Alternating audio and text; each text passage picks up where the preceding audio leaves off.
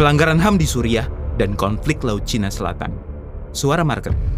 Sejumlah negara masih berada di bawah bayang-bayang konflik. Dikutip dari berbagai sumber, Suriah yang semakin suram belum aman.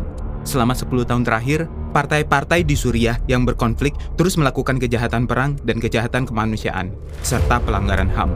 Selain itu, dalam konflik Laut Cina Selatan, Jepang sedang dalam kekhawatiran karena Cina terus berusaha menggunakan kekuatannya untuk secara sepihak mengubah status quo di Laut Cina Timur dan Selatan.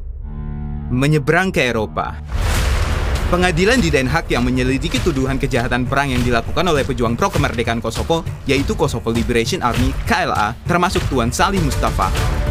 Ironisnya, KLA dianggap pahlawan oleh banyak orang di Kosovo, dan penentang pengadilan menganggap tidak adil jika mereka diadili pengadilan khusus, dengan alasan bahwa Serbia tidak melakukan upaya serupa untuk membawa komandannya sendiri ke pengadilan.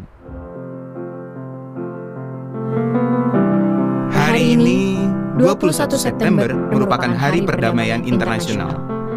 Dengan masih banyaknya konflik dan potensi perang di sana-sini, Mimpi John Lennon seperti dalam lagu Imagine sepertinya masih jauh panggang dari api.